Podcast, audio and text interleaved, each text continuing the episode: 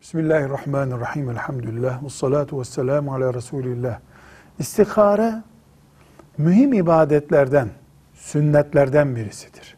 Farz, vacip, haram, mekruh gibi allah Teala'nın emrettiği ve bizim yapmamız gereken ya da yasak ettiği yapmamamız gereken işlerde istihare olmaz.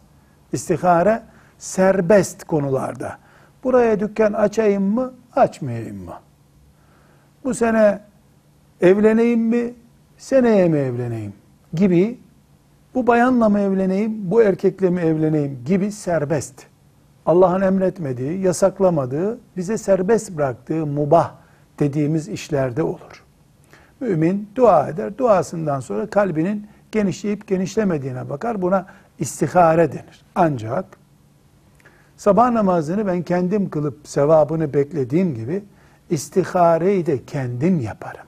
Benim kalbime Allahu Teala'nın bir huzur verip vermediğine bakarım. Birine istihare yaptırmak yoktur. İstihareyi kendin yapacaksın. İki rekat namaz kılıp dua etmeye üşenecek, başkasına sen benim istiharemi yap diyecek yoktur. Bu uygulama sünnetin aslına uygun bir uygulama değildir. Herkes istiharesini kendi yapmalıdır. Velhamdülillahi Rabbil Alemin.